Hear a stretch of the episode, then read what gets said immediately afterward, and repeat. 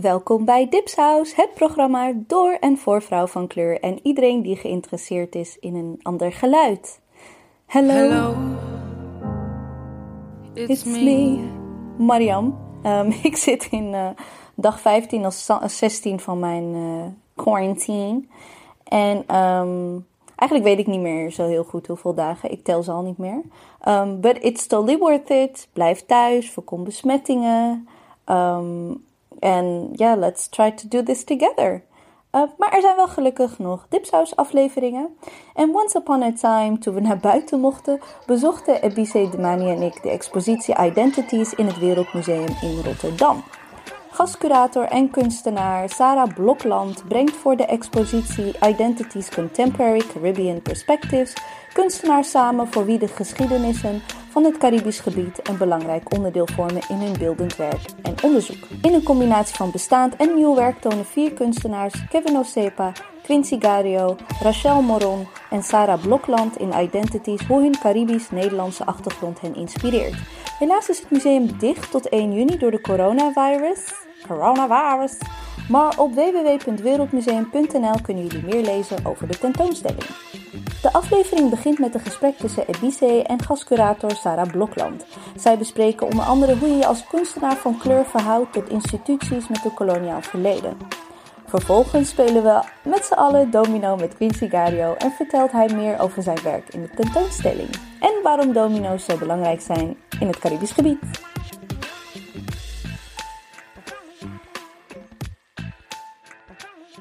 Stellen altijd eh, aan onze gasten drie vragen.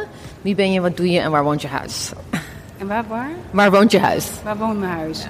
Nou, ik ben Sarah Blokland. Ik ben eh beeldend kunstenaar. Ik werk veel met fotografie en film. En eh, ik maak tentoonstellingen.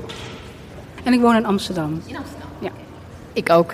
Ik ben helemaal van Amsterdam hierheen gekomen. Ehm, en je bent gastcurator van deze hele verdieping op de derde etage in het Wereldmuseum in Rotterdam. Dat moet ik even zeggen.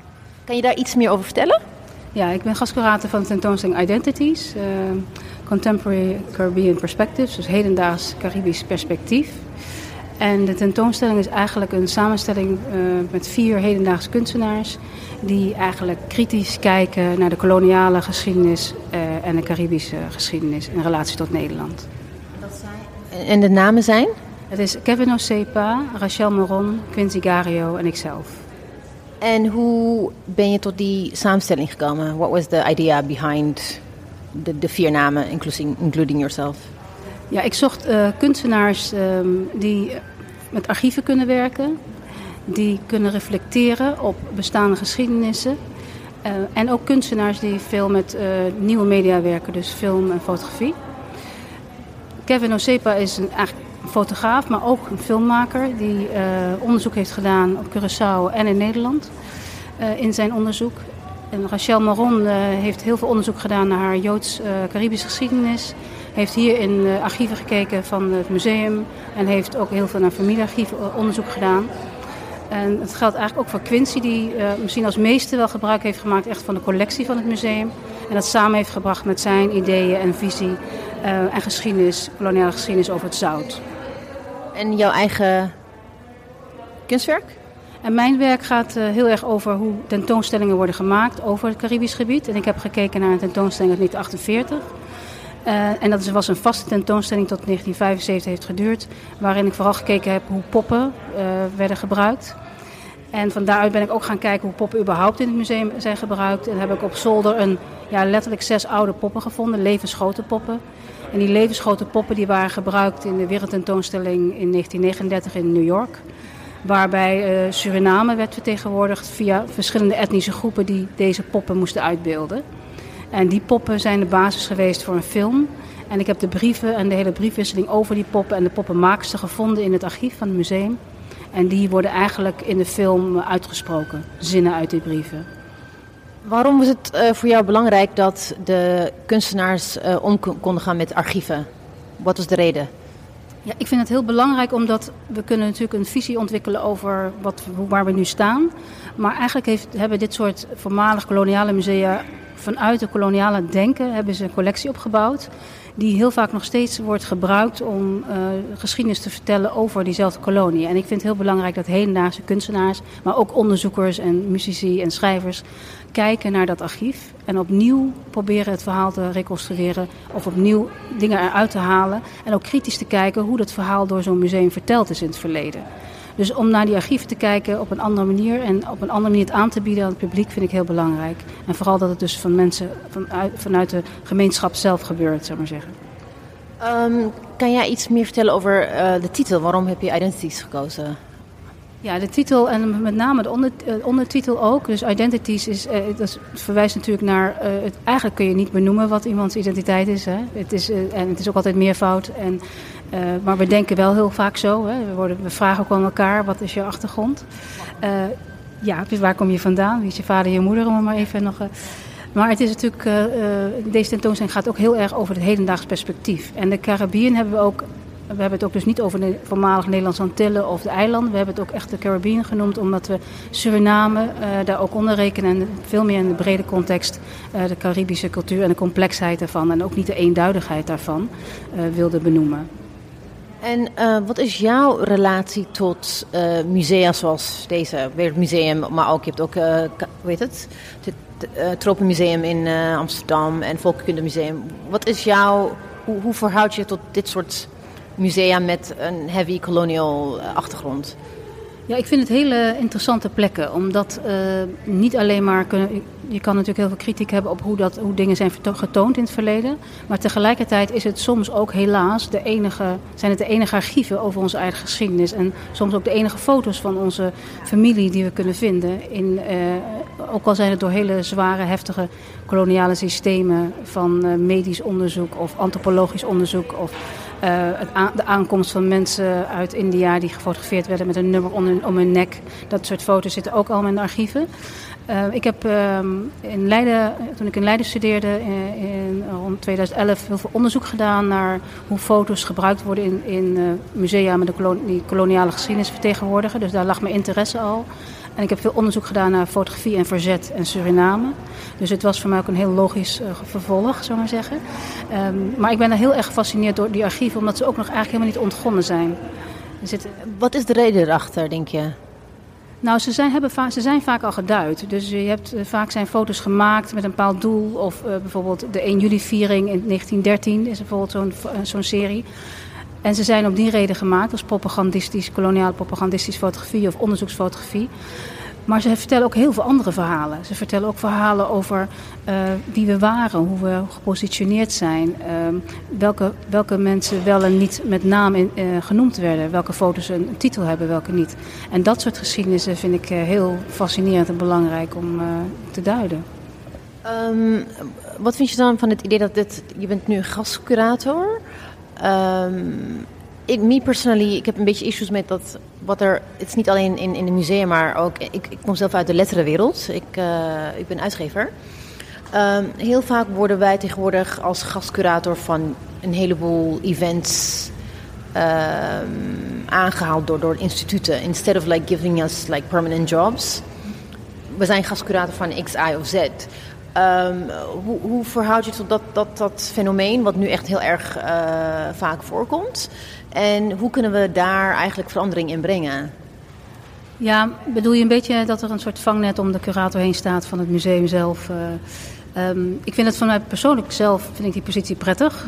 Ja. Uh, maar dat komt ook omdat ik een beetje tussen de kunstenaarschap en curator en onderzoeker in zit. Ja. Um, ik begrijp wel, ik, ik vind het een, een, complex gegeven omdat het de andere kant ook zou zeggen um, dat dat per definitie een verandering van perspectief zou betekenen. Dat weet ik niet altijd.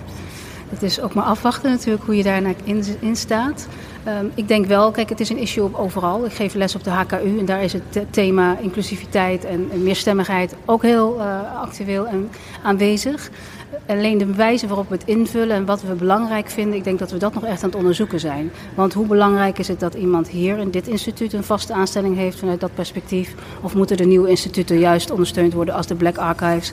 Uh, dat soort uh, initiatieven die ik heel erg belangrijk vind. En waar mensen gewoon zelf uh, de, de kaders bepalen. Ja, ik, ik, ik vind het.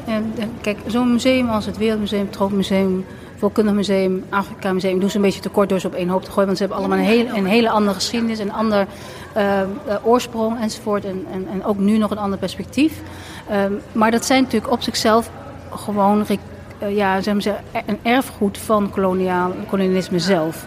Dus daar moet je misschien wellicht anders over nadenken dan als het gaat om een fotomuseum of een, uh, een, een Rijksmuseum. Uh, ook daar kan, je, kan dat deels vergelden natuurlijk. Maar het instituut zelf uh, stelt zichzelf eigenlijk tentoon. En tegelijkertijd wil je ook niet kan je kritisch zijn, maar het moet wel zichtbaar blijven wat het instituut was om er ook nog op te kunnen reflecteren. En het is maar een beetje de vraag welke rol je daarin hebt. Ik denk dat het Research Center for Material Culture met Wayne Modest fantastisch bezig is. En uh, uh, met deze tentoonstelling, die sluit eigenlijk, dat is ook een, een aanleiding van een ander onderzoek, Imagination, waar dit op voorgaat. proberen wij eigenlijk ook die, die kritische noot binnen dat instituut te zijn. Uh, we zijn natuurlijk ook hedendaagse kunst, dus dat maakt het ook weer een, uitdaging, we maar zeggen. Uh, maar er zitten ook vanavond hier performances in en ook weer statements en, discussies uh, die je wilt aangaan. Ja, want de reden waarom ik dit vraag is dat bijvoorbeeld logischerwijze zou je denken, bijvoorbeeld met de Black Archives, Koninklijke Bibliotheek of Nationaal Archief, dat ze dan samenwerking zoeken met de Black Archives, hun ondersteunen om goed te archiveren, te scannen. Maar dat, dat, dat, voor mij als een outsider, als een uh, uitgever, denk ik van dat dat is het meest logische. Iemand heeft een, een, een of gedreven activisten hebben dit opgezet. Het is een geschiedenis van Nederland waar wij zelf niet heel erg veel uh, mee hebben of gewoon kennis niet van hebben. Instead of saying, oké, okay, let's, uh, how do you say laten we hun ondersteunen en helpen om het te professionaliseren. They have to fight every time for money, for resources. Ja, dat is waar. Ik denk wel dat um, een van de dingen waar, die, daar, doen ze ook, maar het, zeg maar, het debat heel Nederlands houden ook heel belangrijk is om nog te kunnen blijven aansluiten. Want er is natuurlijk wel de neiging om iedere keer alles in te verengelsen ja. en het debat van de, binnen de Engelse context of de Amerikaanse context over te nemen naar de Nederlandse context. En zolang we niet echt een hele Nederlandse context ontwikkelen en ook niet in de Nederlandse taal, denk ik, dat, het, dat die verbinding met die geschiedenis moeilijk blijft voor een publiek om, om echt uh, te zien wat er gebeurt. Want het wordt dan een soort. Ja, het is ingewikkeld om het niet een uh, elitair uh, debat te maken. Ik weet dat als het over Surinaamse geschiedenis gaat. Ja, dat ik, heel, dat, het, dat ik heel graag het allemaal in het Nederlands wil doen. Omdat je het, in het ook in de taal wil doen zoals de geschiedenis het heeft beschreven. Om daarop te kunnen reflecteren. En die luxe is ook niet altijd. Um, ik, dus ik, ik, denk ook dat dat een soort, soms een soort afstand kweekt tussen uh, dat soort instituten. Ja, daar heb je wel gelijk in, maar ik denk ook dat er een, een verschil is in hoe dus de niet de, de uh, people like the Black Archives omdat ze, niet, omdat ze een soort van uh, it, grassroots movement zijn en ze, concentreren inderdaad op like, de movement in Amerika. Maar er zijn ook gewoon Nederlandse instituten die vanwege internationalisering, alles, is verengel, alles wordt verengelst. Je hebt ook, Stad Schouwburg heet nu gewoon ITA. Ik vind, ik vind het persoonlijk gewoon echt verschrikkelijk. Maar, maar daar waar de gevestigde instituten die dat verengels, verengelsing in insluipt, it's kind of okay. Maar if other people do it, de gemarginaliseerde groepen, is het een soort van, het wordt als een soort van probleem. Ik vind dat een beetje lastig. Deel ben ik mee eens. Maar ja, Ante de Kom is, is toch eh, heel goed om dat debat in het Nederlands te voeren over een, een tekst die zo, hè, die zo ja. specifiek uh, Nederlands gekozen is. En um, doordat het, dat wij gewoon veel meer aansluiting vinden bij het Engels en Amerikaanse debat over deze issues, is die, is die verleiding ook heel groot om dat te doen. Dus ik denk dat het daar een beetje in beide zit. Maar ik ben het helemaal met je eens dat. Kijk, het is, uh, het is uh, voor de meeste instituten is iets waar ze geen zin in hebben. Ik, bedoel, ik weet dat Artis bijvoorbeeld ook zo'n instituut waar volgens mij nog heel weinig gereflecteerd is op hun koloniaal geschiedenis. Uh, dus, want ja, ze, zijn booming en het gaat heel goed. En dit is, hier volgens hebben ze daar gewoon niet zoveel zin in. Uh, dus ik vind dat ook een ingewikkeld... Het, is, het is ook wat toegestaan wordt waar je dan net in, kan. of waar het publiek om roept van het moet gewoon anders. Um, maar zo, ja, en dit, dit, dit instituut is natuurlijk interessant als je van beneden naar boven naar boven loopt. Wat je tegenkomt en hoe, hoe ze zich verhouden van maar zeggen, de tentoonstelling helemaal beneden, waar je brede cultureel perspectief aan kinderen aanbiedt tot aan Indonesische geschiedenis, tot aan een uh, kritische reflectie. Dus ik denk dat dat wel op zich een heel interessante balans is. Alleen is ook hoe bereikt het publiek dat dit er is. Hè? Dat is ook nog een. wat, wat geef je mee aan young, upcoming kunstenaars? Mensen die dan echt. Uh, from people of color, women of color, daar zijn we eigenlijk voor, Dipshouse voornamelijk. Wat geef je ze mee? Nou, Als je in de beeldende kunst bezig bent, en zeker als je binnen opleidingen zit, dan is het perspectief nog steeds historisch gezien heel wit en mannelijk. Uh, man, man, vanuit een mannelijk perspectief. Ik denk dat dat iets is waar je altijd van bewust moet zijn.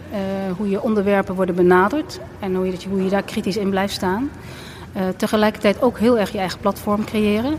Je kan natuurlijk aansluiten bij de hele witte galeriewereld. Maar die is gewoon nog steeds heel erg beperkt. En, en heeft ook een, een, een, ja, een smalle manier van kijken, zou ik kunnen willen zeggen. dus ik, ik ben heel erg voor dat je zelf eigenlijk je eigen kaders creëert daarin. Um, en ook het gevoel hebben dat je onderwerpen er werkelijk toe doen. Want uh, snel worden onderwerpen van vrouwen, met name zwarte vrouwen, worden heel snel weggewuifd als, oh god, dat moet ook nog erbij. En ik denk dat het gevoel van gelijkwaardigheid binnen de kunst eigenlijk er nog helemaal niet is. Uh, misschien wel binnen de inspiratie van man en vrouw, maar binnen de kunst is het echt een andere wereld. En daar, ja, daar moet dus echt heel erg voor staan. Dat is wat, iets wat ik zelf ook meemaak, zou maar zeggen, in die, in die kunst. Ja. Dankjewel. Dankjewel echt. Het is een heel tof gesprek dit. Maar ik zou eigenlijk gewoon urenlang doorgaan. Oké. Okay. Oké, okay, dus um, domino is heel makkelijk eigenlijk. Je moet gewoon de ogen matchen. Kijk, ja. dit is een... Dit is een 1. En 1. Dat is de enige regel. Ja. Nee, nee, kijk. Ja, dus iedereen, dus je, je, je schudt de domino-stenen van elkaar. Iedereen pakt dan zeven. En de persoon die heeft geschud, die mag pas als laatste pakken. Ja? Dus jij ook, Elise? Mijn oom speelde dit altijd. En dan de persoon, ja, vet. In Marokko staat het in hoor, dit oude mannen. Ja, toch? In een café. Ja, overal. Ja, ja. ja. en dus... Um, um, ik weet nooit... Ja, en de persoon die dubbel 6 heeft, die mag beginnen. Ja. Oké. Okay. Nee, maar mensen niet laten zien wat je hebt. Oh, maar nee. een setje van speciaal. Ja, dan moet je het neerzetten. En dan gaan we met de klok mee. Oké, okay, en wat moet ik nu doen?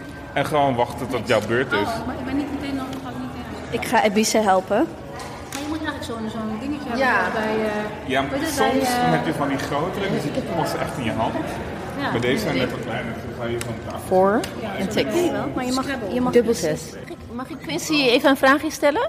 Kan je, kan je even, I mean, uh, because I'm a, you know, like een uh, uitgever, ik moet toch wel beginnen over het dubbelspel. Ja, ja. The famous. Ja, precies. Ja, zeg het dan. Ja. Leg even aan de luisteraars wat het is. Dit is een microfoon, hier mag je in praten. ja, precies. Nou, het dubbelspel is een van de iconische werken van de Nederlands-Caribische literatuur. Um, van Frank Martinus Arion. Um, en het spel is eigenlijk, of tenminste het boek, is eigenlijk gewoon één spel. Dus je gaat met de personages mee gedurende één potje domino spelen. Ja.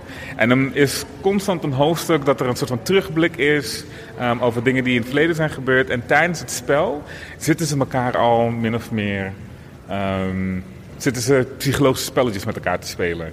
En één speler heeft het gedaan met de vrouw van een andere speler. De ander heeft geld geleend van een andere. Het is echt heel intricate. En het leuke ervan is in 2006, dacht ik, heeft um, de Nederlandse Bibliotheekbond ook dubbelspel uitgegeven aan het publiek als gratis boek. Ja. Um, en dat was echt zo'n moment waarbij iedereen zo zat van wauw, oké. Okay. En het toffe was, het gebeurde ook nog toen Frank Martinez Arendt nog leefde. Ja. Dus het was ook zo'n moment van oké, okay, dit is echt waardering voor wat hij allemaal heeft neergezet. Ja. En dus in de... In... Go!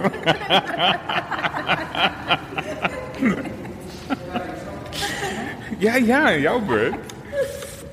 En het leuke dus van, van dit spelen nu, um, tijdens de tentoonstelling of tijdens de museumnacht. Uh, ja, in het midden. Omdat het dubbel is. Toch? Precies. En, en het leuke van, van, van überhaupt domino spelen is dat domino is eigenlijk... Precies. Domino is eigenlijk een Chinees spel. Um, is vervolgens naar um, Italië gemigreerd op de een of andere manier. En dan vanuit daar is het de rest van de wereld over gegaan. We weten niet precies hoe het in het Caribisch gebied terecht is gekomen. Maar we denken via de koloniale reizen um, dat daar ook de mensen aan boord het aan het spelen waren. En het een slaafgemaakt het vervolgens ook zelf gingen maken. Um, en dus in de, in de installatie heb ik domino-stenen, heb ik mahjong-stenen, ook weer die link met China. En ik heb ook abia-fiches. Um, En Abia is een Cameroens spel. En het interessante van Abia is dat het door de koloniale machthebbers in Cameroen in de jaren 50 is ehm outlawed. Omdat het spel zo ver ging dat mensen ehm, geld kwijtraken, maar ook bezit, ook ehm, echtgenoten en kinderen, maar ook zichzelf. Ja, ehm, dus je kon uiteindelijk zo ver gaan dat je een tot slaaf gemaakt werd van iemand anders, omdat je je leven had weggegeven en verspeeld had in het Abia-spel. En dus het leuke, leuke van Abia, ehm, ehm, Domino en Mahjong. Oh, Dankjewel, Mariam. Ja, niet. precies. oh ja, oké. Just throw it in there. Ga ik zo doen of ik zo doen of zo? Voor mensen crazy. Zo? Precies, ja, dat is een zo, drie. ja, je mag wel gewoon omdoen als je mij Ja. Dat moet je niet mee. Ik ben mooi met Volgende ronde speel jij. Ik ben benieuwd. Damani speelt met hart en ziel. En voor vaderland. In it to win it. En het winnen. Trust and believe. Volgens mij is nog nooit een live domino-spel opgenomen. Ik denk het niet. Nee. En dus het, het, het spel is afgelopen wanneer de eerste persoon al zijn domino-stenen. Oh ja, een soort Uno. Ja. Uno, laatste kaart. Ja, precies. Men- Mensen met kinderen weten. Zo fijn om mee te nemen. Ja.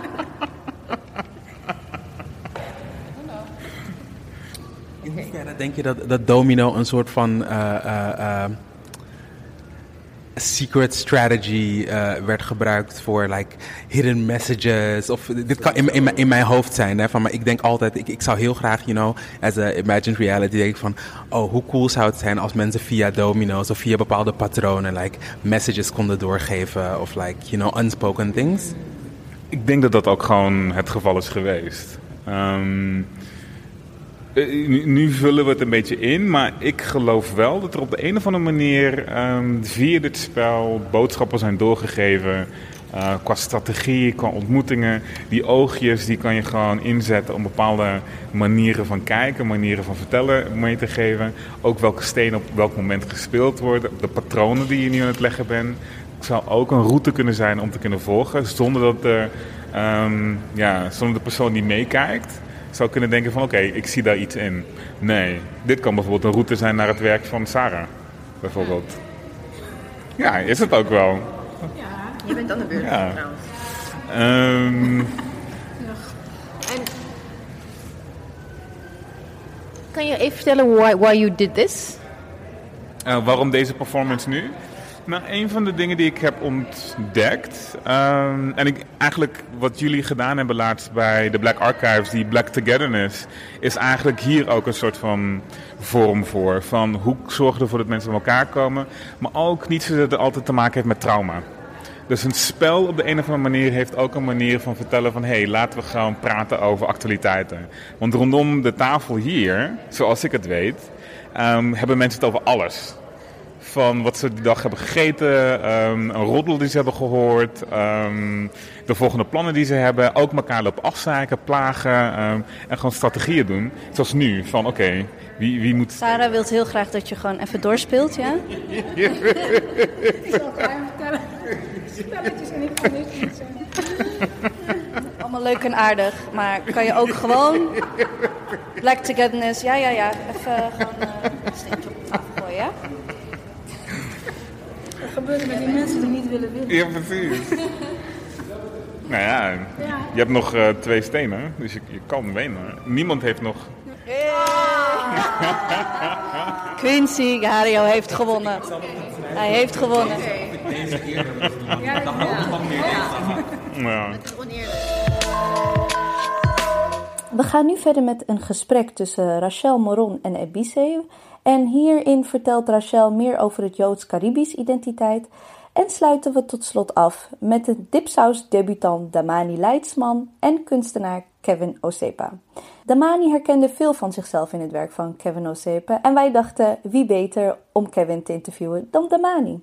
Het is een openhartig en kwetsbaar gesprek geworden en we zijn ontzettend trots op je Damani, je eerste interview on a podcast.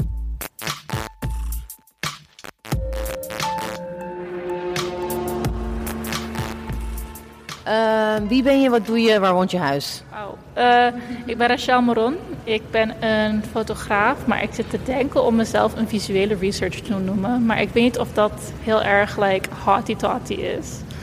Ehm, maar ik vind dat misschien een beetje beter past bij mezelf nu. Eh, ik woon in Utrecht, maar ik studeer in Eindhoven. Dus eigenlijk woon ik in de trein. Oké. Ehm, ehm, wat, wat, oké, eh, je bent onderdeel van dit ehm, exhibition. Eh, kan je iets meer vertellen over je werk?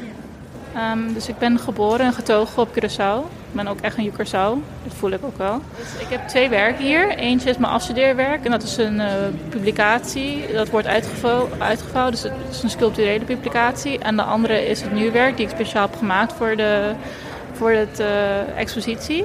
We hebben allemaal een eigen werk gemaakt voor de expositie speciaal. Het nieuwe werk gaat over een brief die ik heb gevonden in een familiealbum van mijn opa.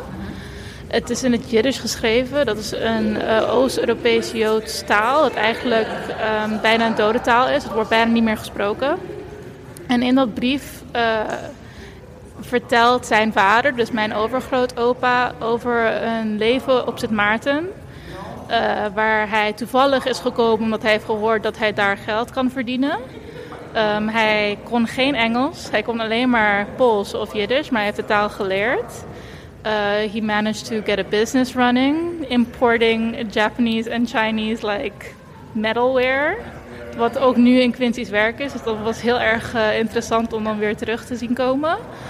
Um, but what he really, ik ga ook een beetje Nederlands-Engels doen. Uh, dat, dat, is dat, wat, dat noemen wij dipsaus Engels, want dat doen we all the time. En mensen vinden het heel irritant, maar ja, weet je, whatever. Ja, mensen hebben dat ook altijd bij mensen van waarom doe je dat? Denk je dat je beter klinkt in het Engels? Of dan denk ik nee, is gewoon hoe mijn brain werkt. Dus dat is echt. Maar dat is ook hoe, I mean, you come from the island, that's how people talk. Exactly. Gewoon, men, men, men, Nederlands kennen hun eigen geschiedenis niet. Yeah.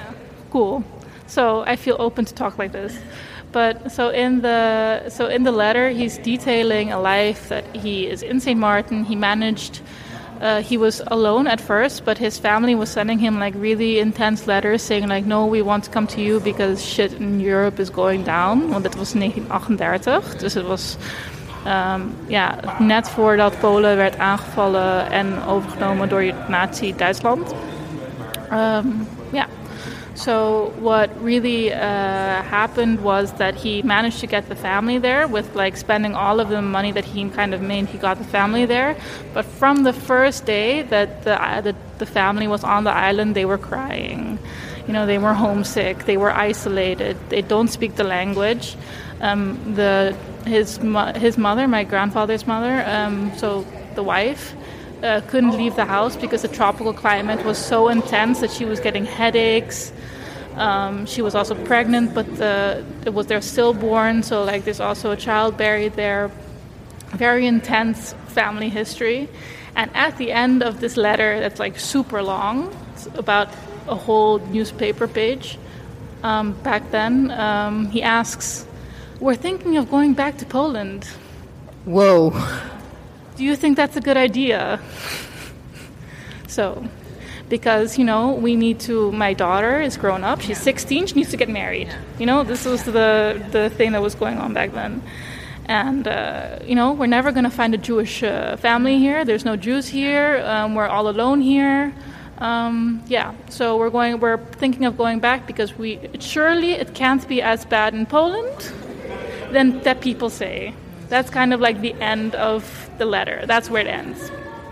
And we always knew about this letter because it's always been kind of a myth like without this letter there would be no family. That's kind of the myth of the letter. But we never knew that we actually had it. We just thought it was like one of those stories that my grandfather would tell because he kind of loved to tell stories.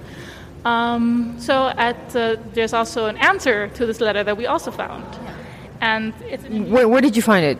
in a family album. So when my grandparents passed away it was like this really big kashi or like this cost that um, had like a bunch of papers that were never thrown away. So I'm going back to like basisschool from my parent, from my uncle, from my mom, like their stuff, but also these letters and like bits and bobs of uh, what he kept, what my grandmother kept, because they both have very different stories of how they arrived on the island. Because both of them are Eastern European Jews, both of their families somehow ended up on Curacao, and this is the part of my grandfather's family. So. Um, we found the answer to this letter, and the headline for that letter is "Don't go back to Poland." Gelukkig. Yeah, gelukkig. And in this answer, this uh, doctor, or this, it's actually just like an advice column. So I'm not sure if it was kind of like a Dr. Phil situation, probably.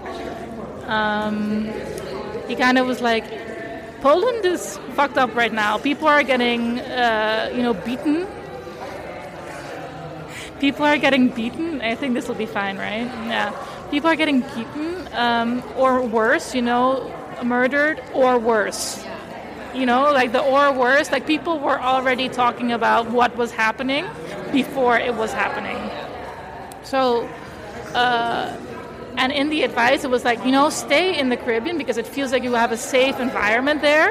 You can even go to san juan where there's been proven to be a jewish community. You can go to uh, new york where, where this letter was published. But like don't go back to poland. Like stay where the hell stay the hell where you are. Um, but this so the first letter it kind of made St. Martin seem like they were doing really poorly, you know, like that they were really isolated and quite badly. Then I came into contact with family from New York. Um, my brother's sister's side of the uh, my brother, my grandfather's sister, who we never really had contact with because she lived in New York, and our sides of the family, like you know how families are when there's such a big different uh, like uh, travel distance, you don't really speak to each other. So we knew about them and we were good with them, but like that's it. Um, when they heard about my graduation project, they sent me these photos. What is your graduation project again? Uh, it's called In the Middle of the Atlantic, A Part of Me Was Left Behind. And it's kind of me trying to deal with the fact that Holland will never be my home, but Curacao really doesn't feel like home either. So it kind of always feels like in the middle of the Atlantic is like kind of where I'm at. It's always just like pulling, because when I'm in Curacao, I miss being independent in Holland and having that kind of freedom of not being the sister of or the daughter of or stuff like that. But when I'm in Cura- when I'm in Curacao, I, I miss that. When I'm in Holland, all I really want is to be back home. So that's kind of me trying to get to terms with that. And I went to all the places that my family called home, but especially on the European side, money wise, it was the easiest situation. So I went to Eastern Europe, I went to Poland, and I went to Spain. Um, and I photographed Curacao, Utrecht, where I live now, Poland, and Spain, trying to figure out like what this idea of home is by visiting the past homes. And why did you choose this specific uh, subject for this, um, voor deze tentoonstelling? We gaan nu weer over naar Nederland. Dat is helemaal prima. Ik, ben, ja, ik had hier ook over nagedacht toen ik mee bezig was. Zo van waarom is het belangrijk voor mij om dit verhaal voor dit te vertellen? Um, het Joodse geschiedenis in het Caribisch gebied. Het is een, ik wil niet bekend geschiedenis maken, maar het is wel uh, erkend. You know, like uh, a lot of uh, Caribbean people, especially in Curacao, where like people know that Jews have had quite an influence on the on the economy of the island. But it's always it's always the Jewish story and a Caribbean story. It's never and het is nooit samen. Is altijd apart van elkaar. En ik had het gevoel van misschien is dit een manier om ze voor een keertje samen te laten komen. Want zonder het Caribisch, zonder het Caribisch gebied zou het Joodse geschiedenis nooit verder kunnen komen. Ja, ja, makes sense. Ja, dus daarom vond ik het belangrijk en vond ik het eigenlijk heel erg mooi dat het kon. Ja. Uh, ja, ik vond dat heel erg mooi om te zien. En ik ben heel trots dat het er is en dat het erkend wordt als allebei. Wie ben je, wat doe je en waar woont je huis? Ik ben Kevin de Sippa. Ik ben beeldend kunstenaar. Ik werk heel vaak met video en fotografie. En ik woon in Utrecht. Oorspronkelijk uit Curaçao. Daar, daar hoor ik eigenlijk te wonen, vind ik. Maar ik woon in Utrecht. Oké, okay, heb je ook ooit uh, op Curaçao gewoond zelf? Ik ben op Curaçao geboren en ik heb daar 17 jaar gewoond. En toen ik 17 was, ben ik um, verhuisd naar Nederland om uh, te studeren, fotografie te studeren. Ja. En hoe was die overstap van Curaçao naar Nederland? Eh, niet moeilijk eigenlijk. Ehm, ik wou heel graag weg. Ik wilde altijd heel graag weg om, om iets nieuws te zien. Want het, was- ja, ik kom wel van een heel klein eiland. En ehm, ik wou gewoon meer, meer dingen doen. En ehm, dus het was ook echt, ik was gewoon voorbereid. Want heel veel studenten vanuit Curaçao verhuizen naar Nederland voor een studie. Dus in die zin was ik wel een soort van sfeer waar iedereen daar gewoon op voorbereid was. Dus het was niet zo moeilijk om hier te komen. Nee. Oké, en eh, dan ga ik direct die stap maken naar je werk. Eh eh, een van je werken. Eh, we hebben net een performance eh, eh, eh, piece gezien. Dat speelt met het idee van de kapper en eh, what happens eh, wanneer je naar de kapper gaat. En, eh, kan je daar iets over, over vertellen? Over je inspiratie van waarom heb je dit gedaan en eh, waarom juist de kapper als een, als een space die je wilde onderzoeken? Oké, ja, het is, eh, di- dit werk is ontstaan vanuit een, bepaald onderzoek van eh, ehm, seksualiteit, voornamelijk homoseksualiteit als, als identiteit en hoe dat mixt. Want identiteit en afro-identiteit speelt een hele grote rol in mijn werk. Ehm, en ik was benieuwd omdat ik tijdens het opgroeien het idee heb eh, gekregen dat eigenlijk als je, eh, ja, je, je identiteit kan niet mixen vanuit de bevolking, kan dat niet mixen met je homoseksuele identiteit. Waardoor heel veel zwarte homomannen een soort van voorbeelden gaan zoeken van Europese mensen of van, van Amerika. Maar ik vroeg mezelf heel erg af wat, wat als die twee, zeg maar, if they integrate, als het één iets wordt, dat je dat je, je, je eigen geaardheid kan ontdekken vanuit jouw culturele achtergrond en niet met andere, andere referenties. Ehm, en toen ben ik dan gaan onderzoeken wat zijn de plekken eigenlijk die, die dat ongemak een beetje naar, naar boven roepen, ook in Europa. En ik, ik ben ja, bij de barbershops gekomen, omdat barbershops worden heel vaak gezien als een plek waar heel veel zwarte mannen kunnen gaan om, eh, om gewoon comfortable te zijn, om elkaar te zijn.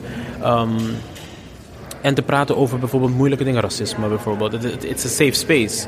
Um, maar tegelijkertijd het is een plek dat heel veel homofobie eh, en, en toxic masculinity kent. Waardoor het heel, voor vrouwen heel moeilijk is. Maar voor oh, heel veel homoseksuele zwarte mannen is het gewoon een moeilijke plek om daar te gaan zitten.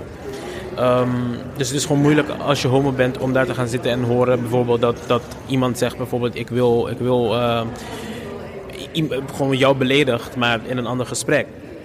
Dus um, dat is een gesprek dat we openen met, uh, met, met de barbershops, met zwarte kappers, om hun bewust te maken van, van deze problematiek eigenlijk. Ja. Oké, okay, want denk je dat uh, mensen in die barbershop zich bewust zijn van wat voor effect het heeft op hun, hun brothers, ooms, vaders? Well, you never know. Ja, ik vind het heel fijn dat je zegt brothers. Nee, nee, heel vaak als ik het gesprek open met barbers, zijn ze heel verbaasd. En het is ook, ik merk ook dat het een soort van, um, hoe moet ik dat zeggen, een soort van kuddegedrag is. Als ze heel samen zijn, dan is het, het is een beetje om te lachen. Het zit een beetje in, in barbercultuur. Maar als het echt één op één is met een barber, dan is hun view gewoon heel anders. En dat vind ik gewoon heel interessant. Want het is, dus het individu heeft dat van zichzelf niet, merk ik vaak. Um, dus hoe kunnen we zorgen dat het collectief dat ook niet heeft? Dus dat het wel een welcoming space wordt. En mijn bedoeling is ook niet om, zeg maar, to demonize the space. Dat wil ik helemaal niet. Want ik vind het wel, een, het, het, kan wel heel veel mensen helpen. Maar als, als we het open gaan maken voor, voor zwarte mannen, dan moeten we kijken naar alle zwarte mannen. En ook bijvoorbeeld vrouwen, zwarte vrouwen, die dan daar ook kunnen komen en mogen komen zonder ongemakkelijk te voelen. Ik weet bijvoorbeeld, mijn moeder gaat altijd naar een, naar een barbershop om haar uh, wenkbrauwen te doen. Omdat die dan heel goed kunnen. Maar ze heeft ook een bepaald soort ongemak dat ze, dat ze meemaakt. Dus het is een hele hoge drempel. Maar hoe zou het zijn als we dat gewoon weghalen? Ja. Oké, nice. Um, hoe, uh, ik wil even, hoe zie je dat voor je? Wat, wat is voor jou de, de, de ideale, als jij nu een, een, een barbershop kan, kan imaginen, wat voor gesprekken uh, zou jij graag daar voeren? Of, of zie jij graag dat die genormaliseerd worden in, in de barbershop setting? Hmm, ik denk dat over alles. Dat we gewoon, dat als zwarte mensen, dat we gewoon bewust zijn dat we toch heel verschillend zijn van elkaar. Dat wij ook heel divers zijn, dat we toch niet één ding zijn. Dat we gewoon samen kunnen komen en gewoon kunnen bespreken alles wat we, wat we voelen. Wat onszelf kunnen uiten. Het is al moeilijk om, om hier te zijn, want je maakt, maakt een aantal dingen mee dat naar zijn.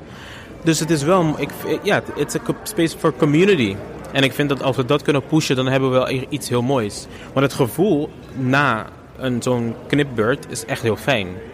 En wat als het, als het gewoon van begin tot eind fijn is. Dus dat ik gewoon zin heb om naar de kapper te gaan. En niet alleen omdat ik mooi word geknipt, maar dat ik gewoon echt gevoed word. Ja, dat lijkt me wel gewoon heel mooi.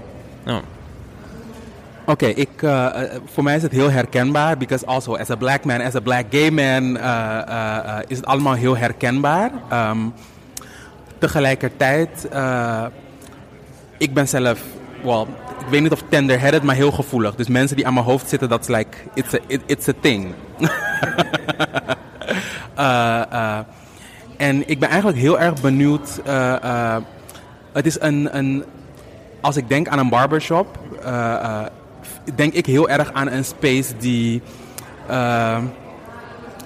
het is heel. I can't find the word. Eh, eh, intiem. Het is heel erg intiem. Eh, tegelijkertijd zien we ook dat er heel veel machismo in, in is. Maar at the same time is het ook een... Weet je, mensen je zitten like in helemaal in the center of your personal space. Ehm, dus... Ex- exactly.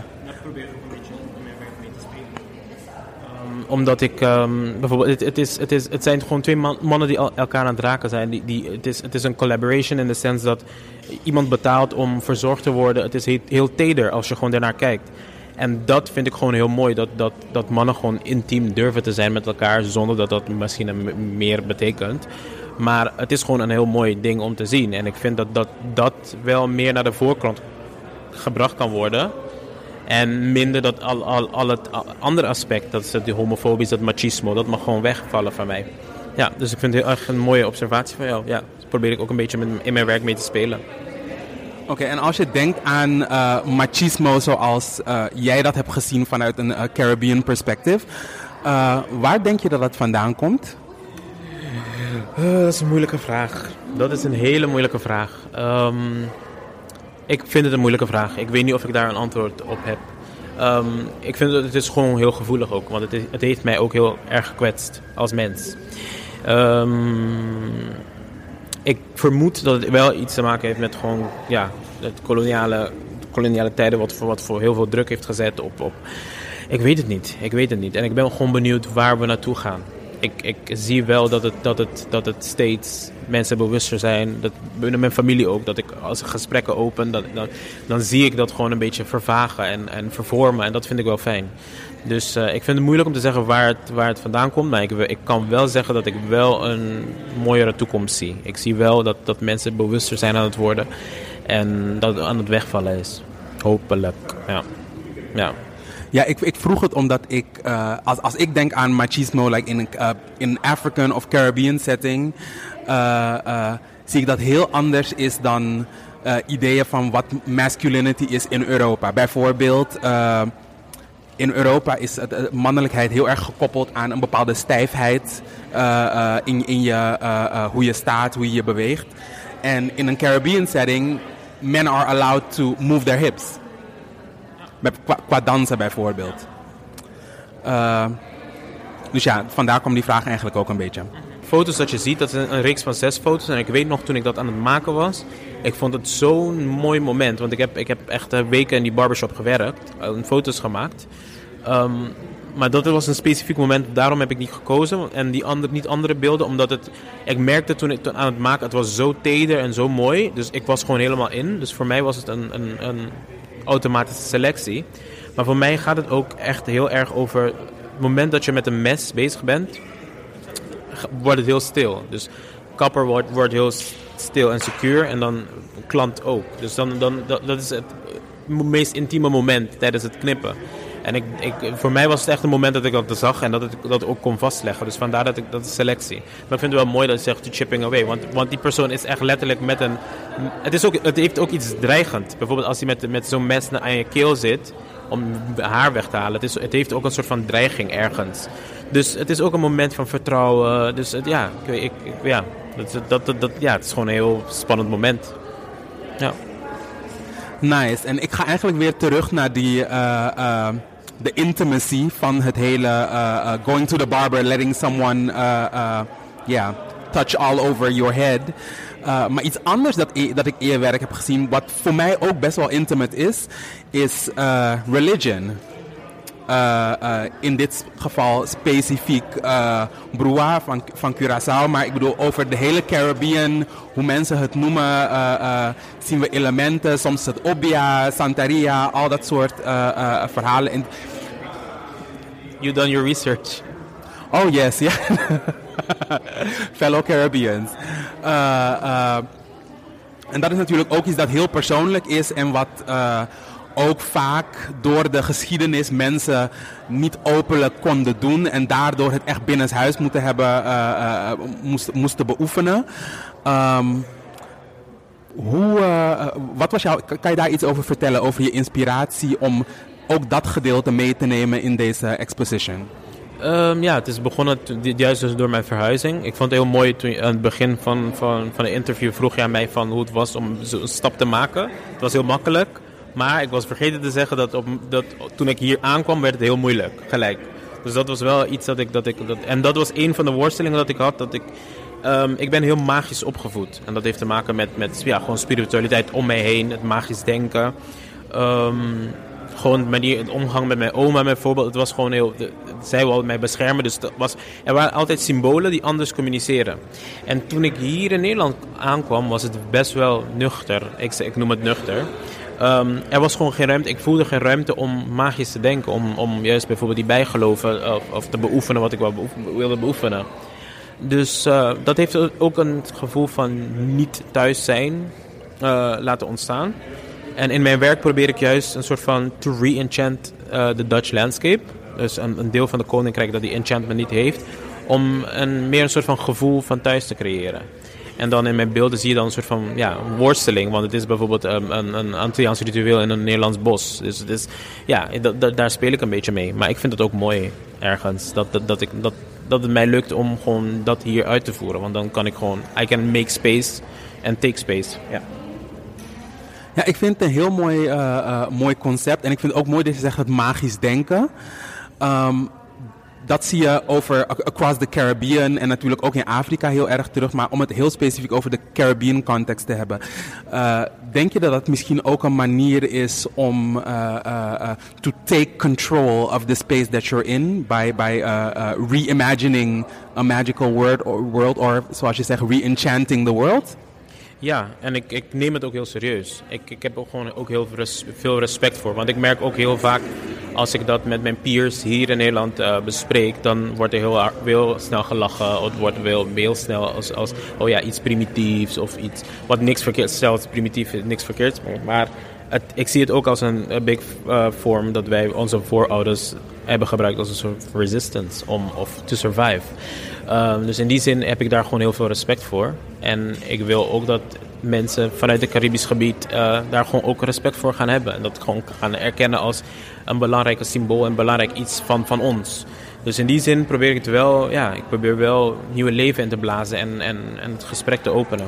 We hadden het net over de, de, de, Caribbean uh, spirituality, die, die je eigenlijk uh, aan het reclaimen bent in je, in je werk. Uh, dat is ook, het sluit een beetje aan. Ik, ik zie het om me heen ook dat veel meer uh, Caribbean people uh, zich gaan verdiepen in, in, in our own spirituality. Um, tegelijkertijd zie ik ook dat er heel veel zeg maar evangelicals, dus wat we gewend zijn in Amerika, like hele ja strenge evangelicals een soort van resurgence maken across the Caribbean. Uh, dat ik uh, uh, zie dat zeg maar heel veel plekken op de Caribbean heb je een, de kerk is dan bijvoorbeeld katholiek of, of een bepaalde stroming uh, protestant. En nu zie je heel vaak een bepaalde soort stroming van het christendom, die eigenlijk vanuit Amerika komt overwaaien. En uh, uh, die zie ik groeien, maar tegelijkertijd ook uh, de African-based spirituality. valt dat je op en denk je dat die twee naast elkaar kunnen bestaan? Ja, um, ik, ja, spiritual, eh, ja, kat- katholieke kerk en, en eh, ik zie dat meer, meer als een religie. En wat ik heel mooi vind, juist van Afro-Caribische spiritualiteit, is dat het gewoon heel vrijblijvend is. Er zijn geen dogma's, of merk ik dan heel vaak. Het is, het is, je maakt de keuze om daar naartoe te gaan, dus je bent niet verplicht om dit te doen, om dat te doen. Er zijn gewoon een aantal regels. ehm, en het is ook heel vrijblijvend, waardoor mensen gewoon de keuze maken om dat te doen vanzelf. En het, het, it's free, it, it's liberating. En ik denk dat dat bijvoorbeeld als ik kijk naar, naar op Curaçao bijvoorbeeld, ehm, heel veel katholieke dingen vanuit de katholieke kerk hebben altijd een soort van afro twist to them. Dus bijvoorbeeld bij begrafenissen of bij, ik zie, je ziet altijd een soort van nog een laag, naar laag erbij. En dat vind ik gewoon heel mooi. Dat dat, dat kan survive. Het is ook een charme. Bijvoorbeeld als je kijkt naar Santeria. Dat mensen bijvoorbeeld katholieke heiligen gebruiken om hun, hun Afrikaanse deity erachter te, te schuilen. Dat, dat, dat zie ik als een soort van... Ja, een soort van middle finger to... to, to, to een soort van the, the biggest resistance. En ik denk dat om, om zo'n symbool te blijven gebruiken... Het is gewoon ja, je, je, je respecteert en je vereert wat mensen eh, daarvoor echt moesten doen om, om te kunnen overleven. En hun religies te beoefenen en hun spiritualiteit te beoefenen. Dus ik vind het, ik, ja, ik denk dat, dat ze wel, ze kunnen, they can marry each other, I think. Ja, die two, ja. Ze kunnen, ze, ze mogen, ze mogen van mij eh, elkaar, eh, they can cross each other. Ja. Oké, en je zei zo net, eh, er zijn minder regels. Ehm, denk je dan ook dat Afro-Caribische spiritualiteit eh, een safer space is voor queers? denk het wel, ja. Dat, dat, zo, zo ervaar ik het wel. Omdat ik, ehm, ik merk niet dat, dat dat gewoon in de weg kan staan. Juist omdat je die regels niet hebt. Het is, it's, it's there for, it's, het is kleurloos. Het is, het is, je kan het gebruiken voor goed of voor slecht. Ehm, het is beschermen. It's very human. It's, very, it's, it's nature. En en ja, queer people are part of nature. Ik, ik, ik, dus dat vind ik heel fijn. Ik zie ook heel veel queer people die dat beoefenen. Vanuit, ook vanuit een soort van ja, een tegenreactie. Dus dat, dat, katholieke opvoeding dat hun echt, echt een beetje ja, onderdrukt heeft. Dus eh, in die zin vind ik het wel een mooie... it's for everybody. Dankjewel Kevin.